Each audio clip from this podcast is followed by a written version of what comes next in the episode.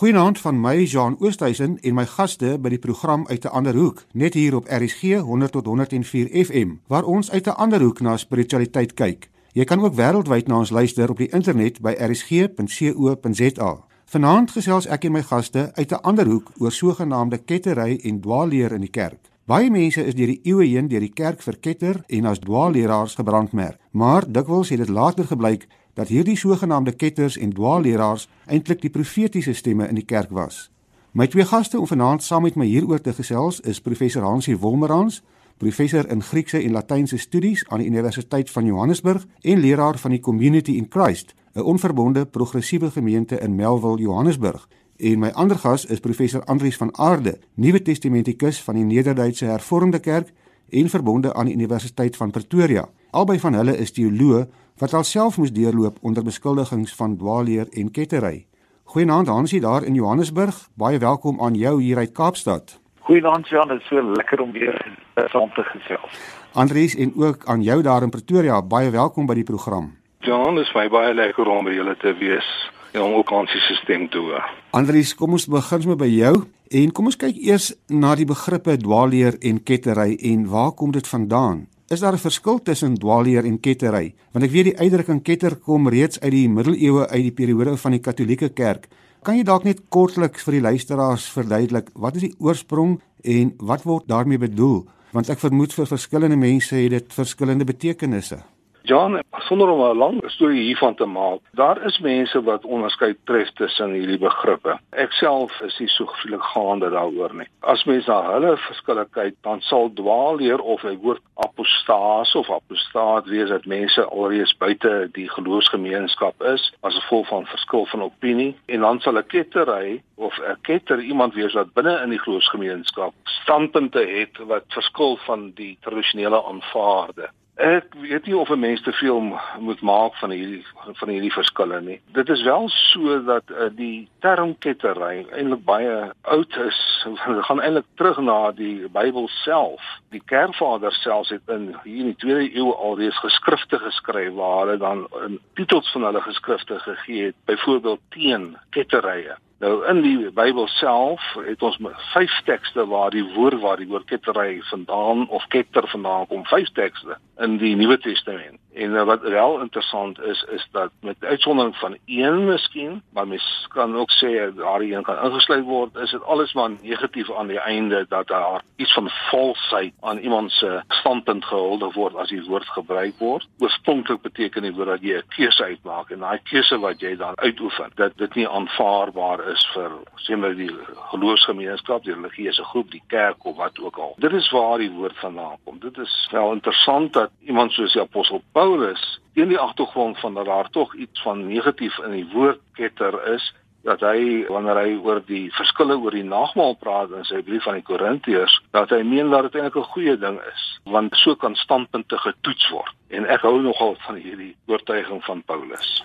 Hansie, wat is jou mening want soos ek dit verstaan is 'n ketter en 'n afvallige of 'n apostaat nie heeltemal dieselfde nie want 'n afvallige verwerp die hele ortodoksie terwyl 'n sogenaamde ketter steeds vashou aan sekere verklaarde leerstellings van die kerk. Ja, John, ek stem met jou saam, maar vir, ek dink vir die doeleindes van ons gesprek is dit nie belangrik nie, jy weet. Vir die doeleindes van ons gesprek en vir al die voorbeelde waarna ons gaan kyk, is dit veral kettery. Met ander woorde, 'n standpunt wat jy inneem wat dalk deur sommige mense geïnterpreteer word as 'n stryd met die tradisionele manier waarop die kerk daarmee omgegaan het. En in die Bybel self is daar natuurlik teenstrydighede hieroor. Dit is waar soos Andri sê, daar's hele paar tekste wat verwys na 'n uh, ongesonde leer ensovoorts. Maar in die brief van Jakobus spesifiek sê Jakobus dat ons geloof word uit ons werke uit bewys en dat selfs die duiwels glo en dat dit nie eintlik 'n verskil maak jy weet daar is maar 'n bietjie van 'n teenstrydigheid hieroor in die Bybel self. Goed, ons kan so 'n bietjie later in die program weer terugkom hiernatoe en probeer uitvind wie besluit dan nou aan watter leerstellings ja. moet mens vashou en waaroor kan 'n mens verskil. Maar ek wil graag hê ons moet so 'n bietjie kyk na die geskiedenis, want die georganiseerde godsdiens het nie 'n baie mooi geskiedenis as ons kyk hoe die kerk mense oor die eeue heen verketter het nie. En daar is talle voorbeelde. Kom ons kyk na 'n paar van hulle. Een van hulle was Galileo Galilei wat deur sy kerk verketter is en later moes die kerk erken hy was reg en die kerk verkeerd. Trouwens eers 350 jaar na sy dood het die Katolieke Kerk in 1992 amptelik erken hulle was verkeerd. Was hy waarskynlik een van die bekendste sogenaamde ketters wat later reg bewys is, Andries? Ek is eintlik nie bewus van ander uh, waar die kerke erkenning gemaak het dat iemand wat voorheen as 'n ketter, dit wil sê ook uitgeban is van die Rooms-Katolieke Kerk het 'n amptelike handeling, ook maar soos die protestante in 'n sekere sin, om iemand se te ekskommunikeer, dis uit te ban en dat die kerk dan later verskoning maak. En ek is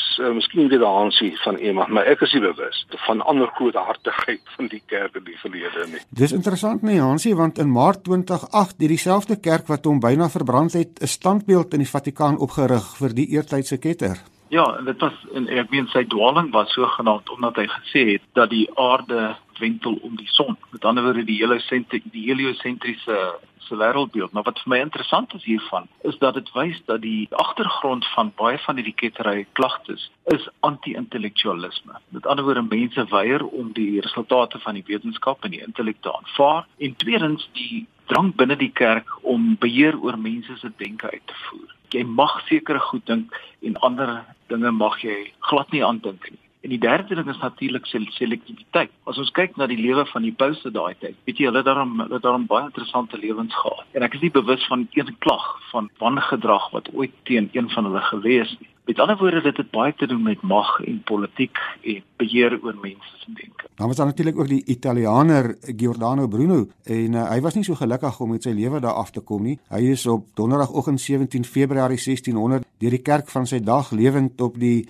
Camp di Forio in Rome as sketter verbrand en dit omdat hy gewaag ja. het om die kerk uit te daag tot 'n oop gesprek nie waar nie Andries wat was sy sonde dan was dit sy sonde Ja dis maar deel van die slegte aspek van die kerkgeskiedenis wat maar ook weer deel van die kultuur as hoe hulle mense dis eintlik aan die einde van die dag verbrand. Dit moet 'n verskriklike handeling. Wat ek wel van bewus is, is daar baie meerdere mense, soms ook mense in groepe wat verbrand is. Nou of dit 'n handeling kan wees amper soos wat die Romeine gedoen het met die kruisiging om ander wat dan afvallig sou wees of ketters standpunt het af te skrik. Dit weet ek nie maar ek dink dit was 'n redelike algemene wyse van om iemand basies tot die hel te verdoem as ek die term so kan gebruik deur iemand te verbrand. Vir my nogal baie interessant is natuurlik Jean is is Michael Servetus se geval ja. 1553. Hy is in 1553 in Genève op die brandstapel verbrand en Calvin daar agter gesit. En in op Calvin se aandrang is daar groen hout gebruik om sy lyding uit te rek.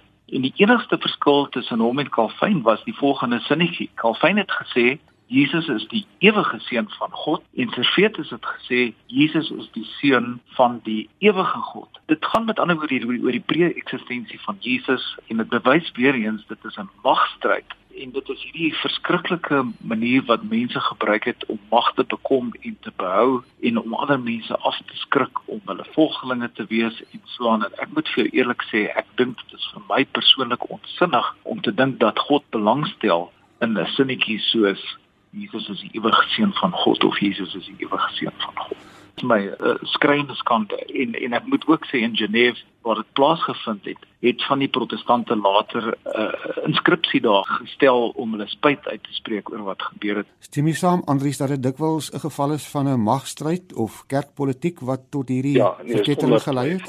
Ja, dis 'n baie diep psigologiese is so ook van onsekerheid wanneer iemand 'n ander standpunt het en dat jy so ver sal gaan om daai persoon uit te ban en dan ook selfs uh, dood te maak op so 'n wrede wyse sê baie meer van die een wat die handeling uitvoer as uh, van die slagoffer. Dis 'n psigologiese bedreiging. Dis so asof as iemand 'n verskil het met my dat ek dan my identiteit en my oortuigings in gevaar stel en dan op die wyse wil ek myself beskerm dat dit met mag dan te doen het sonder twyfel. Die geskiedenis in Suid-Afrika is deurspek dat daar maar politiek agter uh, hierdie soort van beskuldigings van ketterye is. Daar's ja. baie voorbeelde en ons hoef nie nou by almal stil te staan nie, maar dis baie interessant. Daar was ook Jan Hus, die vroeë hervormer en al is Hus die versekering gegee dat hy veilig sou wees as hy die konsilie van Konstans bywoon om sy opvattinge te verduidelik, is hy toe as 'n ketter veroordeel en op die brandstapel verbrand. Ek weet nie of jy iets oor hom wil sê nie. Ek het die storie gehoor dat die vuur aangesteek is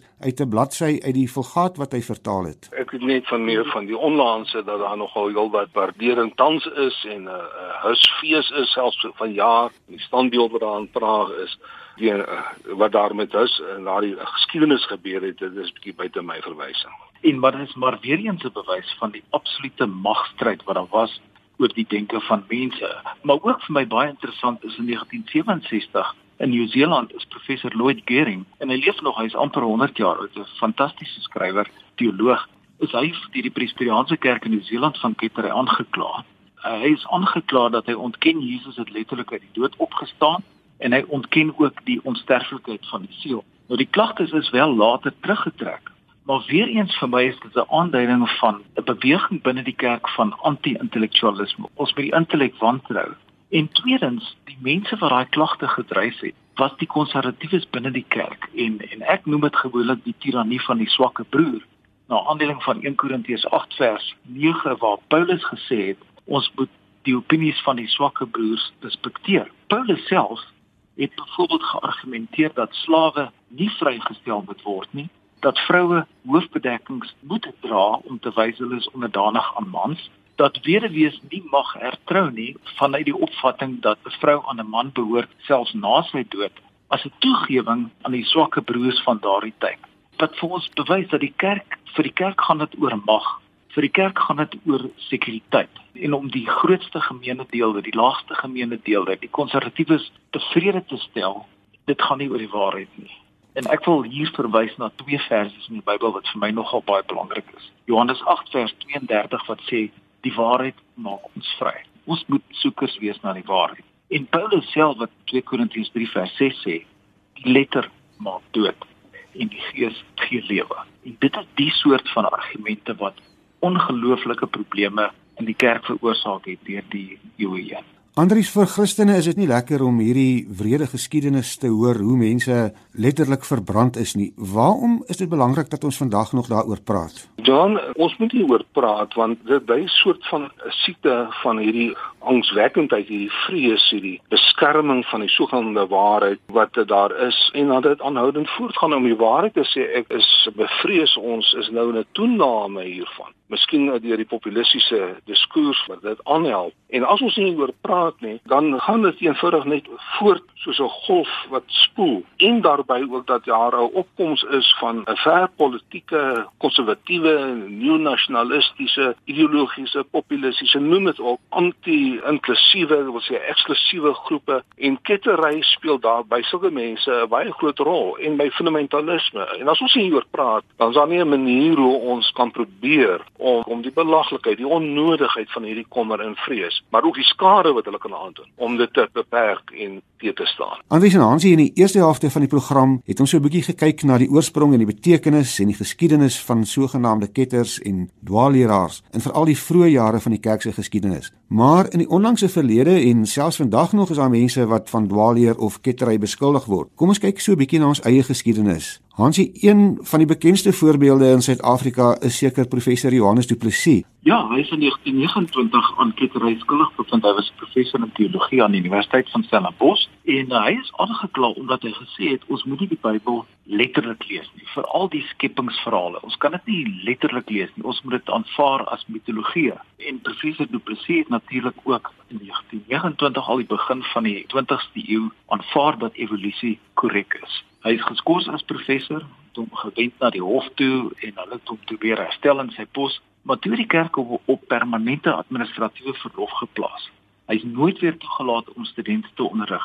Wat weer eens vir my daarop dui, die onderliggende tema van anti-intellektualisme, wantroue van die resultate van die wetenskap Tweedens literalisme, ons moet die Bybel letterlik lees, letterlik verstaan en hierdie faktore het nog altyd 'n groot rol gespeel in die vervolging van mense wat anders dink as die hoofstroom van die kerk. Ons het nou na Galileo verwys en is interessant vandag staan daar ook van professor Du Plessis, sy standbeeld staan vandag binne in die kerkterrein by die kweekskool terwyl dit vroeër nie daar geduld is nie, nie waar nie. Andries, dan staan ook Albert Geyser van die Hervormde Kerk wat nog 'n voorbeeld is wat aangekla is van dwaalleer. Wat het daar gebeur? John, wat Geyser betref, moet ek net byvoeg daar is ook ander persone in die Hervormde Kerk wat minder bekend is wat amper besoortgelyke redes as die van Johannes de Plessis ook van hulle amp ontneem is en dit is iets wat vandag totaal aanvaarbaar binne in die verstaan en gebruik van die Bybel is byvoorbeeld dat jy werk met verskillende manuskripte en dat jy na die mees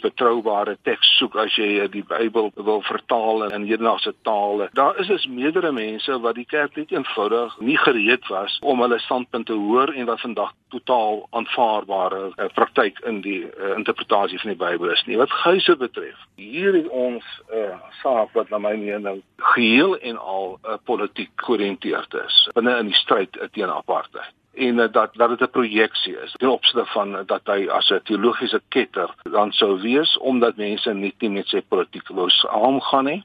Wat dan hom meegebring het dat daar studente was wat eintlik daar gestel is deur ander professore om sy lesings af te neem. En dan is daar die inhoude van daai lesings veral rondom die Filippense lied waar dit gaan oor Jesus Christus wat in die gestalte van 'n mens van 'n slaaf is. En dat verweer verhoog is dat hy dan sou aangekla uh, en hy was aangekla dat hy dan op die wyse die godheid van Jesus loon en dat hy dus op die wyse dan teen die kerklike belydenis is. En dis uh, waar ek dan in presies in dieselfde prentjie inkom wat ons miskien later gaan gesels. Dat Geyser dan aan mekaar gesê dat hy nie sy verstaan van die Filippense brief sien as 'n uh, dat dit 'n dwaal leer is teen uh, die belydenis van die kerk nie. Dit het hy herhaaldelik gesê dit is nie gehoor nie. Vandag kan ons aantoon dat waar hierdie saak wat in die 60er jare paase van die in die groot probleem van politiek dat hy dieselfde soort van uitleg van die Bybel al in die 40 jare einde 40s gehad het. Dit wil sê hy was baie konsistent in sy oortuiging. En ook hier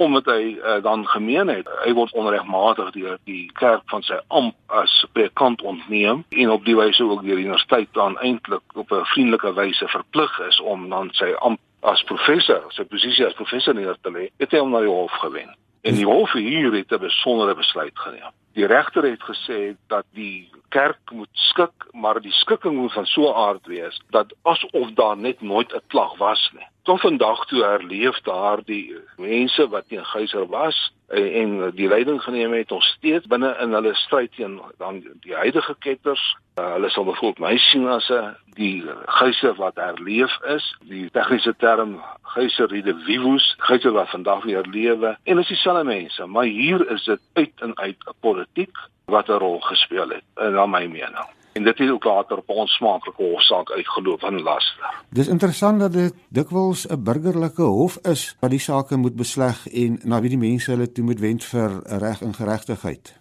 Dat daar meer geregtigheid buite die kerk is as binne die kerk. By al hierdie hofsaake wat plaasgevind het, is die is daar aangedui dat die kerk het nie eties opgetree nie. Die kerk het nie eers hulle eie prosedures gevolg nie. Hulle het nie in goeie trou opgetree nie. En die hof het dan later beslis ten gunste van die sogenaamde ketters. En dit is baie hartseer. En en wat vir my nog meer hartseer is, professor Geyser het nooit hierdie kerk uh, aan hom verskoning aangebied, 'n amptelike verskoning nie. Hy was verguis tot aan die einde van sy lewe. Dit dit is die hartseer daarvan. Hy het ongelooflike persoonlike prys betaal vir die standpunte wat hy ingeneem het. Daar was ook verskeie ander dominees sommer in die onlangse geskiedenis wat al aangekla is van dwaalleer en op die ou einde onskuldig bevind is. Ag ek dink maar aan mense soos Bente Tooi, Julian Miller en daar's ook ander.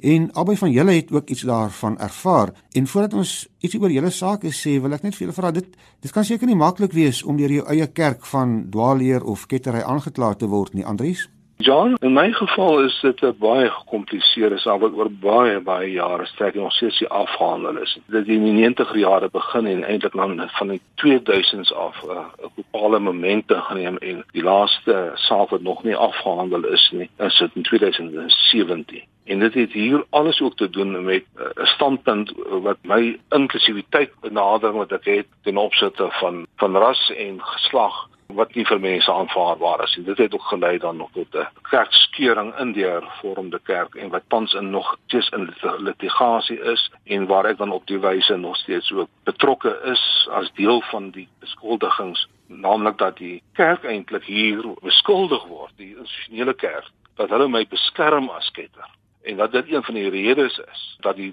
wegbreekers wel motivering het om nie meer deel te wees van die formele kerk nie. My saak is baie gekompliseer, baie fasette, maar alhoewel ek hoeveel keer deur die kerk formeel in gesprek met hulle was oor my sogenaamde kettery, het die kerk nooit formeel amptelik institusioneel my aan kettery skuldig bevind En dit is juist die probleem van ander mense wat my steeds huldig as 'n ketter. Hansie, dit moet 'n moeilike saak ook wees vir 'n mense gesin en die mense om jou as daar hierdie swaard oor jou kop hang en jy word van hierdie tipe dinge beskuldig. Ja, absoluut so. Jy weet dit het eis maar sy persoonlike tol op jou as persoon op jou sinslewe en so aan. En jy weet die effek wat dit op my kinders byvoorbeeld gehad het. Dit is al vier my kinders is basically kerklik. Hulle wil niks met die kerk te doen nie vanweer die ervarings wat ons met die kerk gehad. Ek is verhoor in November 2015. Ek ek was deeltyds betrokke by gemeente van die Presbyteriaanse Kerk uh, in Columbus saam met die hoofleraar Dr.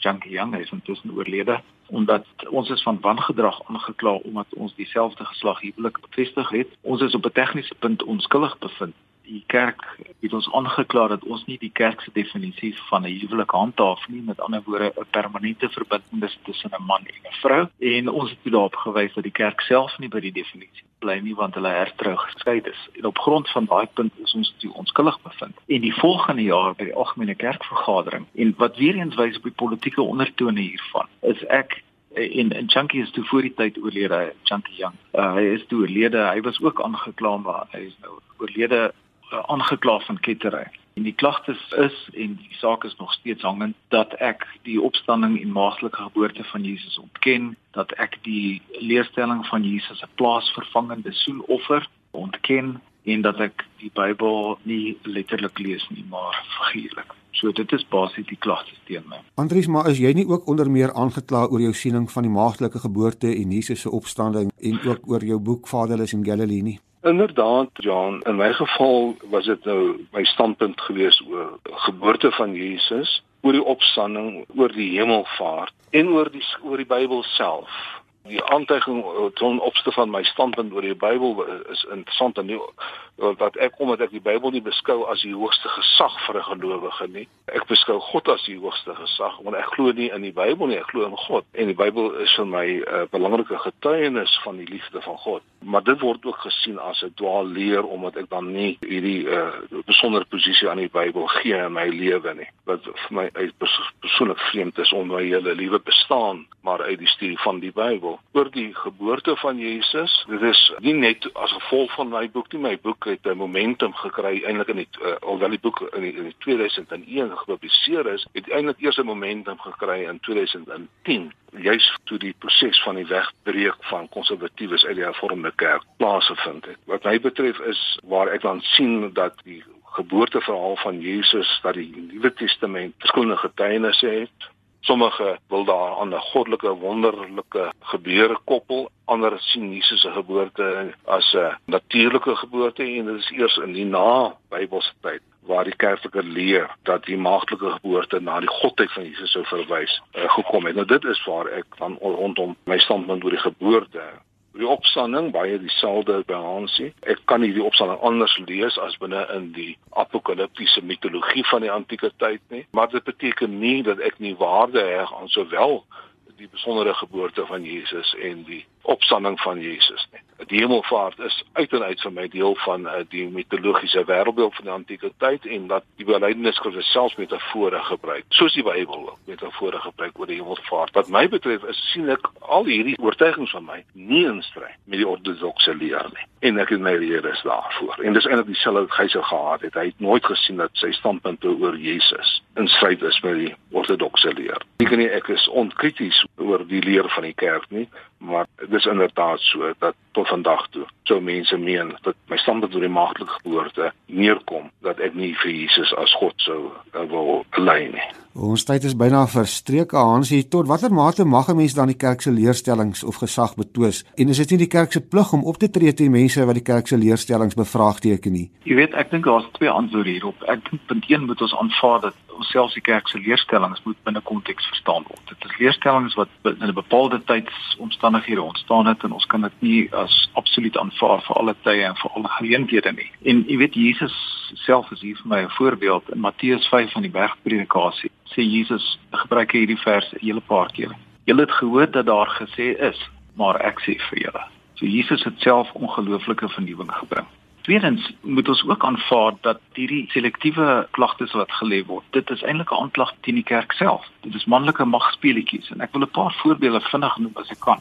In die apartheidsjare is mense soos honde by begrafnisse weggejaag. Was vol in die koerante gewees. Daar was nooit enige dissiplinêre optrede teen sodanige mense nie. Daar is Afrikaanse predikante wat genesingstoere gereël het Nigerië toe na TB Joshua se byeenkomste. TB Joshua is uitgewys as 'n bedrieër. Hy's 'n absolute bedrieër. Daar het nog nooit enige dissiplinêre optrede gekom teen hierdie mense wat toere gereël het in Nigerië toe en baie geld daar uitgemaak word. Daar is nog geen kerklike uitspraak gelewer teen die aardappelboer wat deur derduisende Afrikaanse mense gevolg word nie. Hy beweer vroue moet mans onderdanig wees dat homoseksualiteit deur gebed genees kan word. Sy eie land van herkoms, Skotland, het geweier dat hy sy homofobiese boodskap daar lewer en ons kerke lewe nie uitsprake oor hierdie soort van dinge nie. Ons bewus van predikante wat sogenaamd duiwels uit mense uitdryf en onder en permanente sielkundige skade veroorsaak. Die kerke tree nie teen hulle op nie.